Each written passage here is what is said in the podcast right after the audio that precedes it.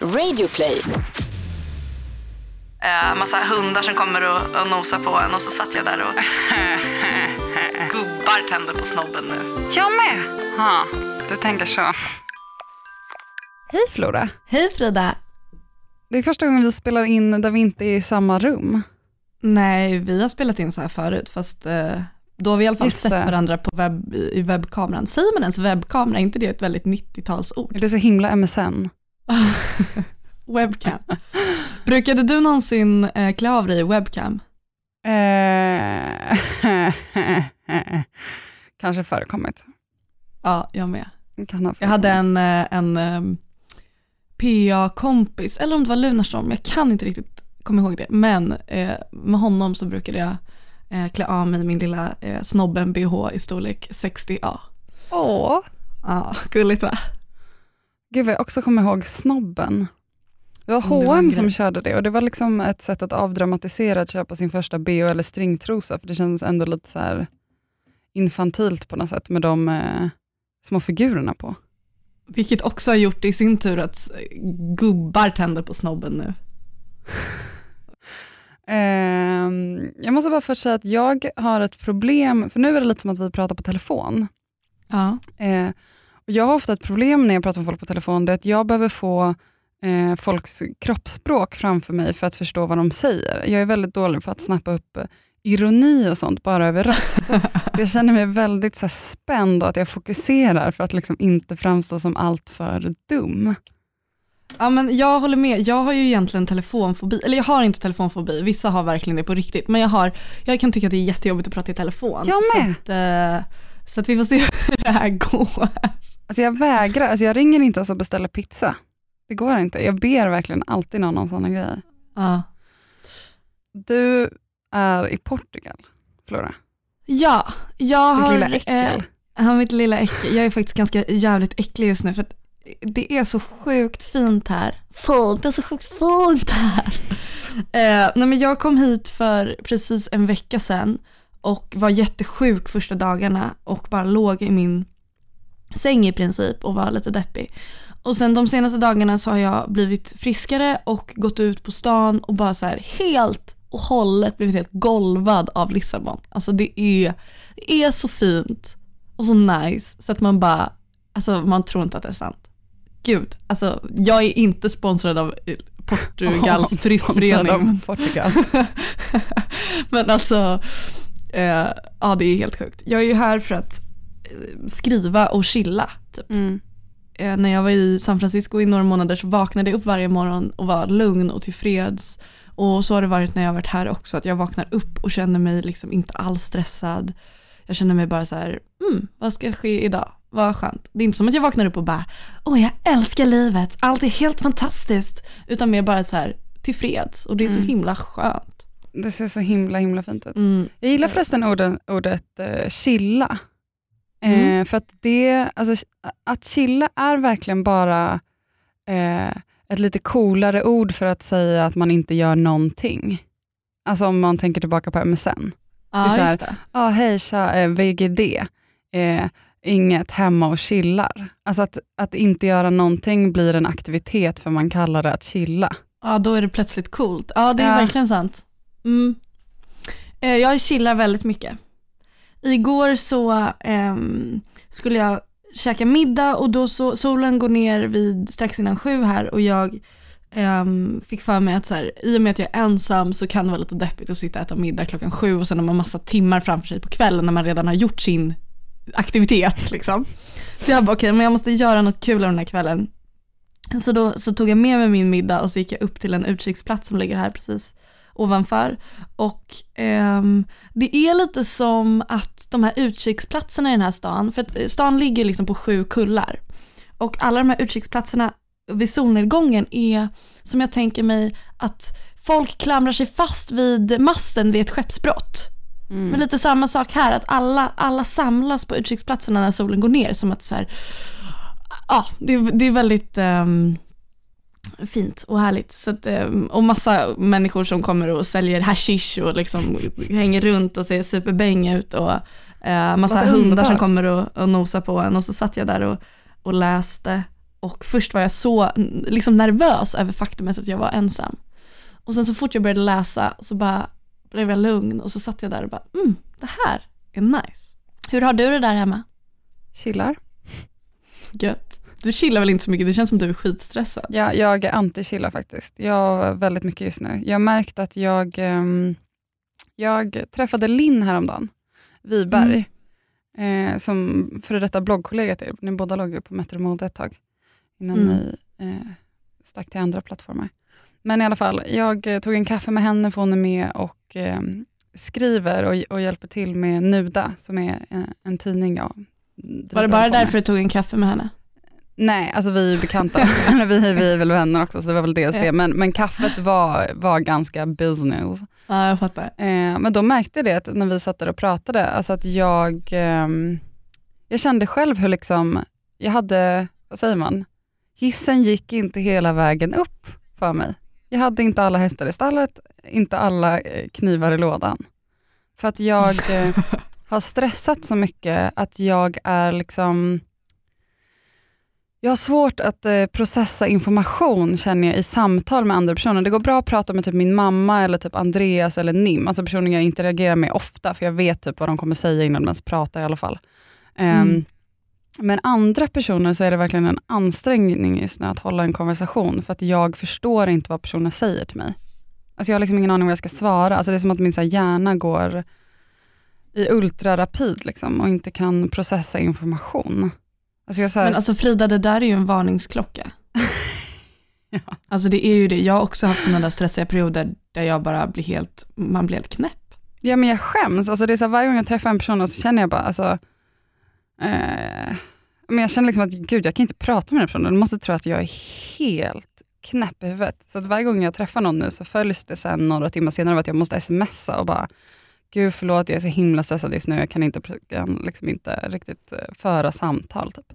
Det där är ju också ett så tydligt tecken på att man har för mycket att tänka på eller att man typ har ångest, att man så smsar folk i efterhand bara förlåt för att jag finns. Ja jag vet, men det är typ så alla jag träffar. Det är som om jag Ja. hade numret till typ så här, han i kassan på ICA skulle jag typ messa honom efter jag handlat också. Bara så här, förlåt att det tog så lång tid med att betala.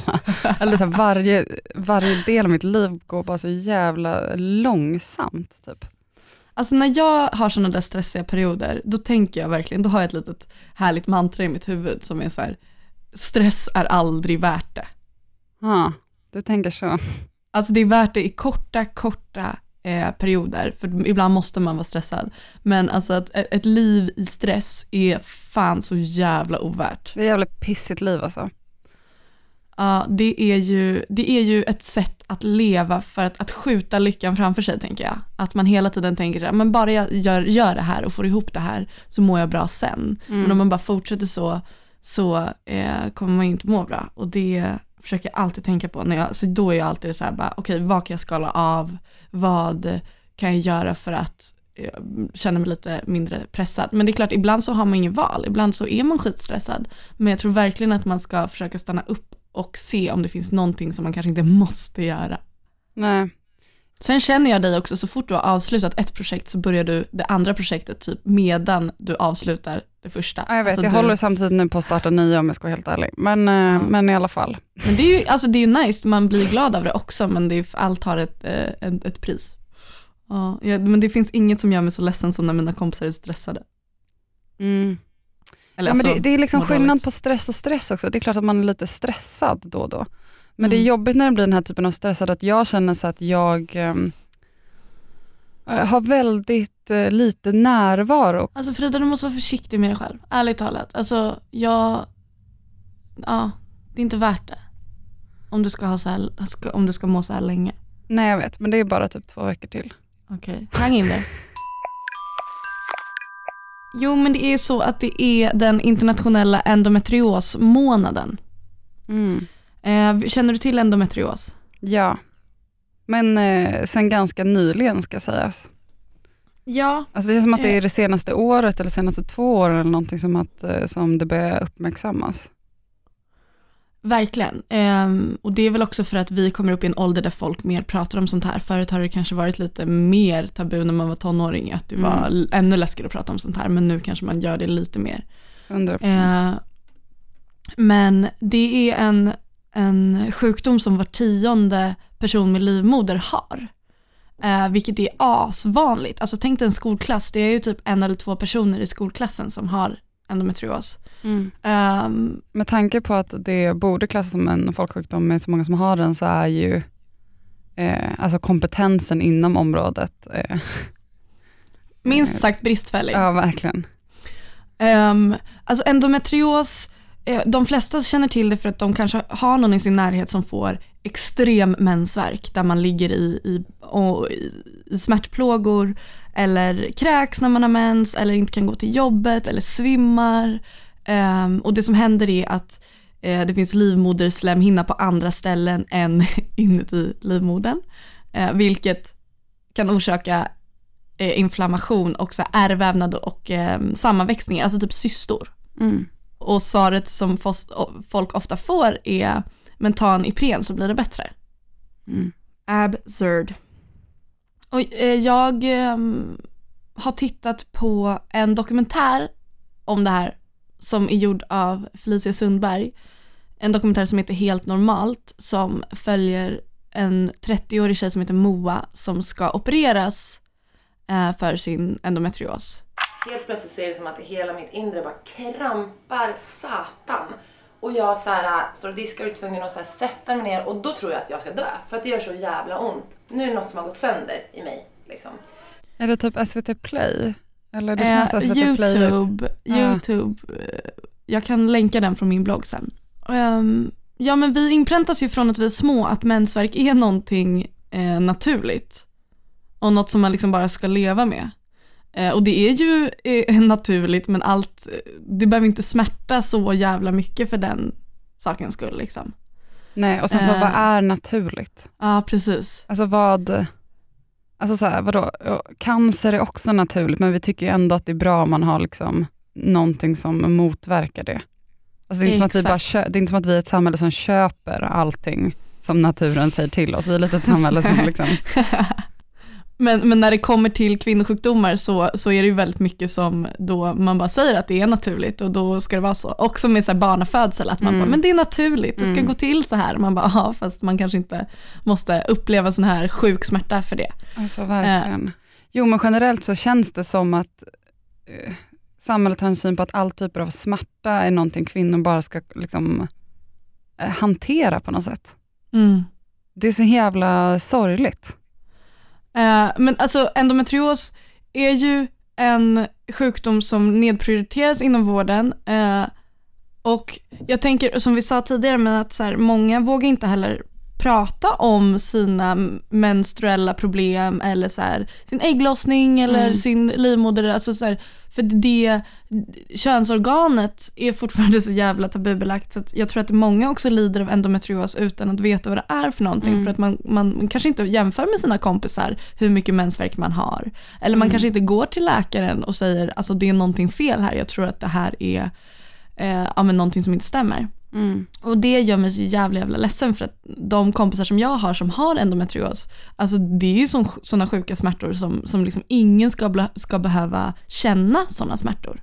Alltså det enkla svaret är för att det handlar om kvinnors kroppar och kvinnors smärta. Som sen urminnes tider legitimeras med att det är normalt och att det ska vara så. Kvinnors smärta tas inte på allvar. Ja, alltså om män hade endometrios, alltså de fick någon så här, en kopiös smärta i, i ja, inne i magen och pungen. Liksom. Ja. Alltså det skulle finnas ett litet endometrios-spa i varje gathörn. Där de kunde gå in, så här, drop in, alltså skattefinansierat och kunna få typ akut hjälp eller bara så här, någon att prata med och en klapp på kinden. Typ. Så jävla sant. Alltså det som är så sjukt är också att det tar åtta år att bli diagnostiserad med endometrios. Så man kan gå runt och inte veta vad det är som sker. För att jag tror att det har att göra med att så här, man måste göra en operation för att se cystorna. Mm, Liksom. mm. Ehm, och den, det är en dyr, ett dyrt ingrepp. Liksom. Mm.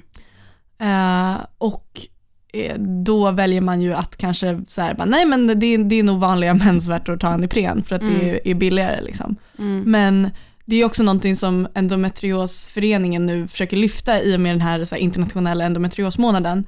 Eh, att det, det är ju inte okej att det ska ta åtta år. Alltså det är helt jävla sjukt. Jag är, jag är fett skonad när det kommer till mensvärk. Jag har knappt mensvärk. Eh, men sen när jag ser mina medsystrar ha det så Mm. Och det tycker jag är det så viktigaste. Det är inte fucking normalt. Du ska inte behöva känna dig fel och konstig och onormal i din kropp som bereder dig så här mycket besvär. Då ska du få hjälp. Det var alltså en, en dokumentär som heter Helt normalt av Felicia Sundberg. Ehm, Om man märker av att man har en kompis som, eh, som har en livmoder och ofta får väldigt ont vid mens, då kanske man ska tipsa om att kolla upp det här.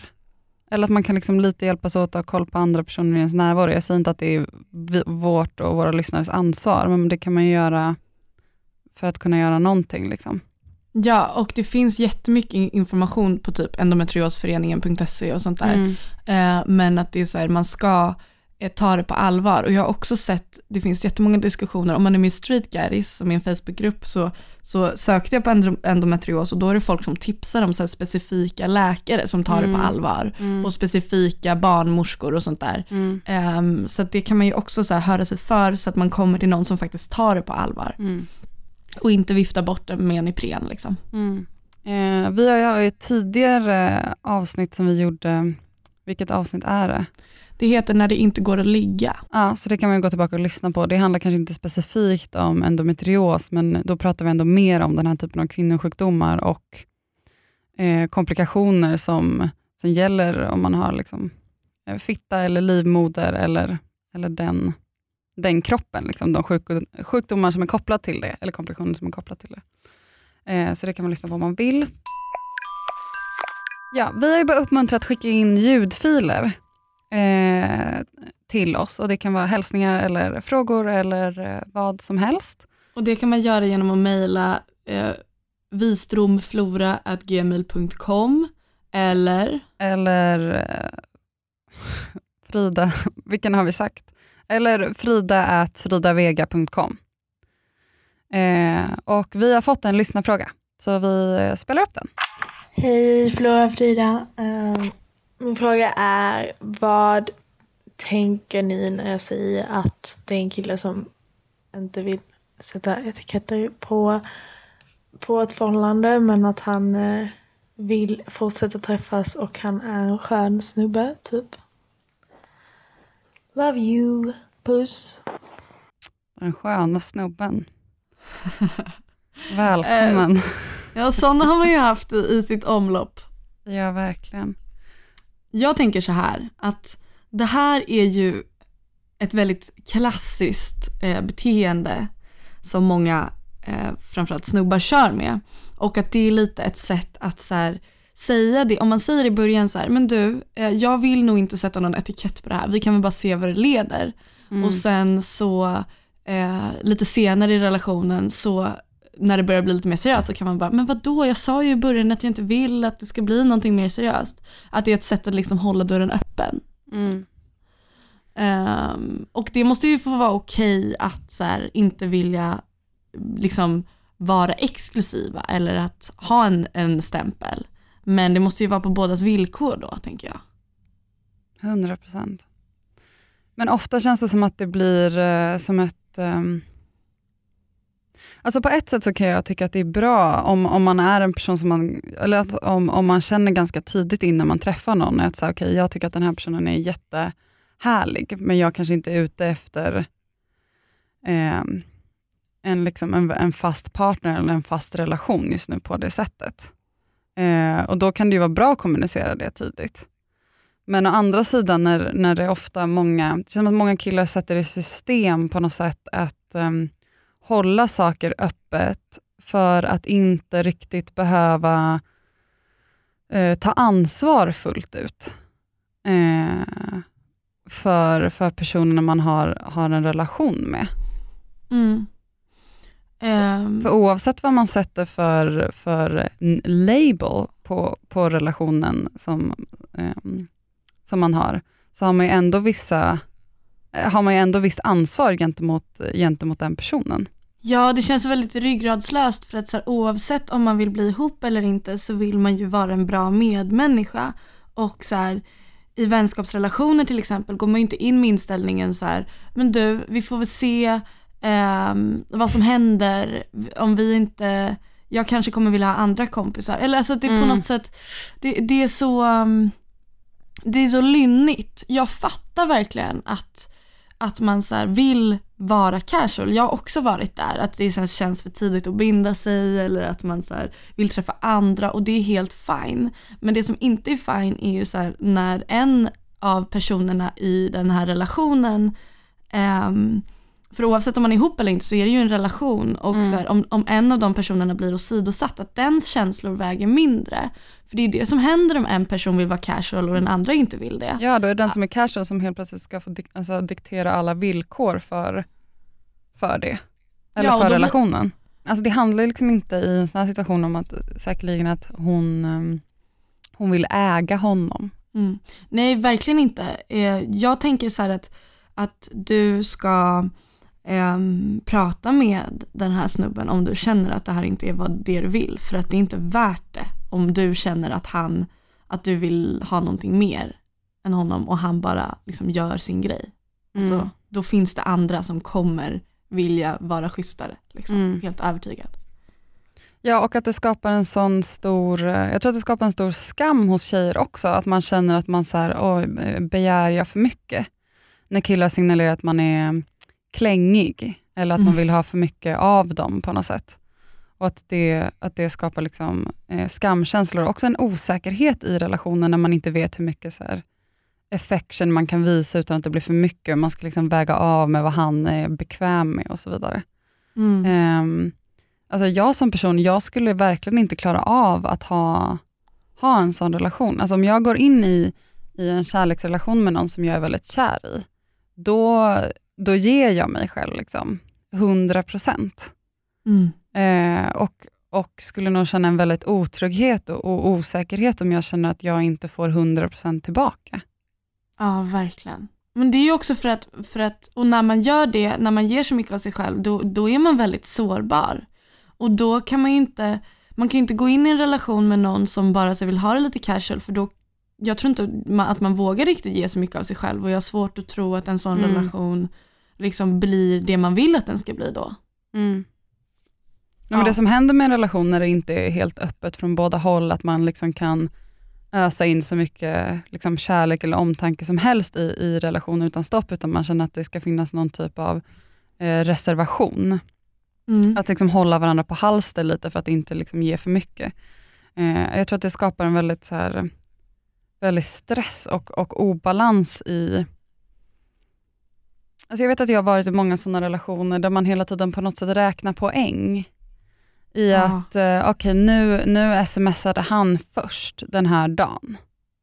Då är det, typ, då är det liksom han som har behövt ge ett avkall lite på typ sin makt. Nu väntar jag en timme med att svara för att visa att jag inte att jag är, en, är upptagen. Eller så att man sitter och typ Mm. så här, håller på varandra på ett väldigt ohälsosamt sätt. Och det kan ju vara okej i början om man ska dejta och sånt där, men det är ju Ja, fan inte bra 100%. förutsättningar. Men vem man fan ska pallar liksom- hålla på så liksom ett halvår framåt? Då blir man ju Nej. psykotisk. Man blir ju knäpp i huvudet då. Ja men då kan man verkligen få bättre och då, då kan man liksom unna sig själv mer än så.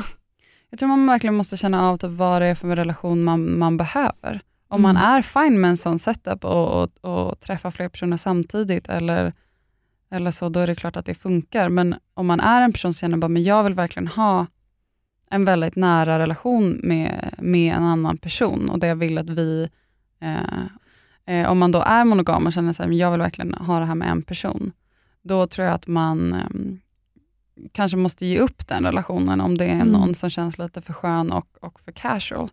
För då kommer det alltid finnas, den relationen kommer aldrig vara tillfredsställande då. Nej, verkligen. Utan man kommer alltid önska att det fanns eh, något mer. Och då kanske det är så att den personen inte är att villig att ge det där, det mer, på grund av olika eh, orsaker. Mm. Preach. Preach Jag börjar baby. tänka så himla mycket med, liksom på relationer, att det inte bara handlar om, eh, Alltså att det inte bara handlar om att hitta en, en person eh, som man är kär i. Jag hade kanske den bilden när jag var yngre och tittade på filmer och så här, med folk som blev kära. Att om bara man hittar en person som man är kär i och den personen eh, gillar en själv, eller att man, ja, två personer hittar som de gillar varandra, att allt ska bara funka då. Men sen så handlar det så himla mycket om, om dynamiken i, i relationen och vad man har för typ av relation. Ja.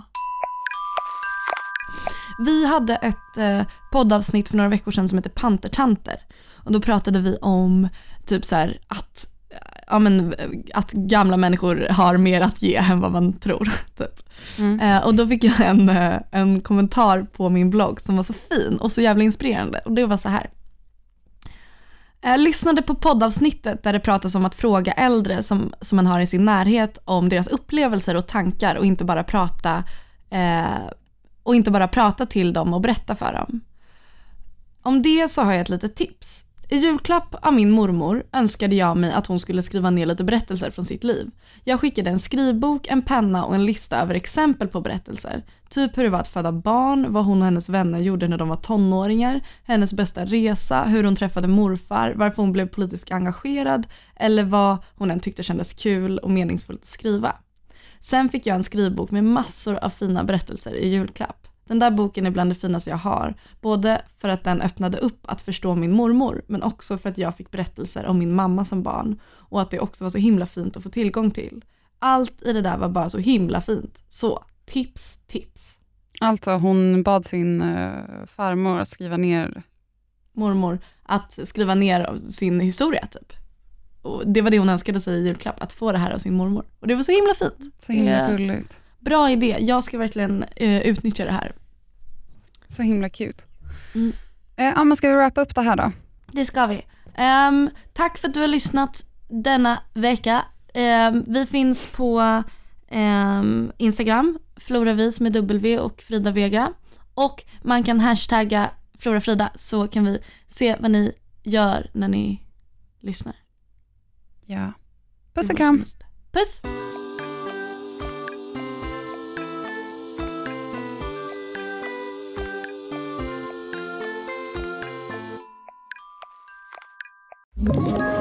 Ett poddtips från Podplay. I fallen jag aldrig glömmer djupdyker Hasse Aro i arbetet bakom några av Sveriges mest uppseendeväckande brottsutredningar. Går vi in med hemlig telefonavlyssning och, och då upplever vi att vi får en total förändring av hans beteende. Vad är det som händer nu? Vem är det som läcker? Och så säger han att jag är kriminell, jag har varit kriminell i hela mitt liv men att mörda ett barn, där går min gräns. Nya säsongen av Fallen jag aldrig glömmer på Podplay.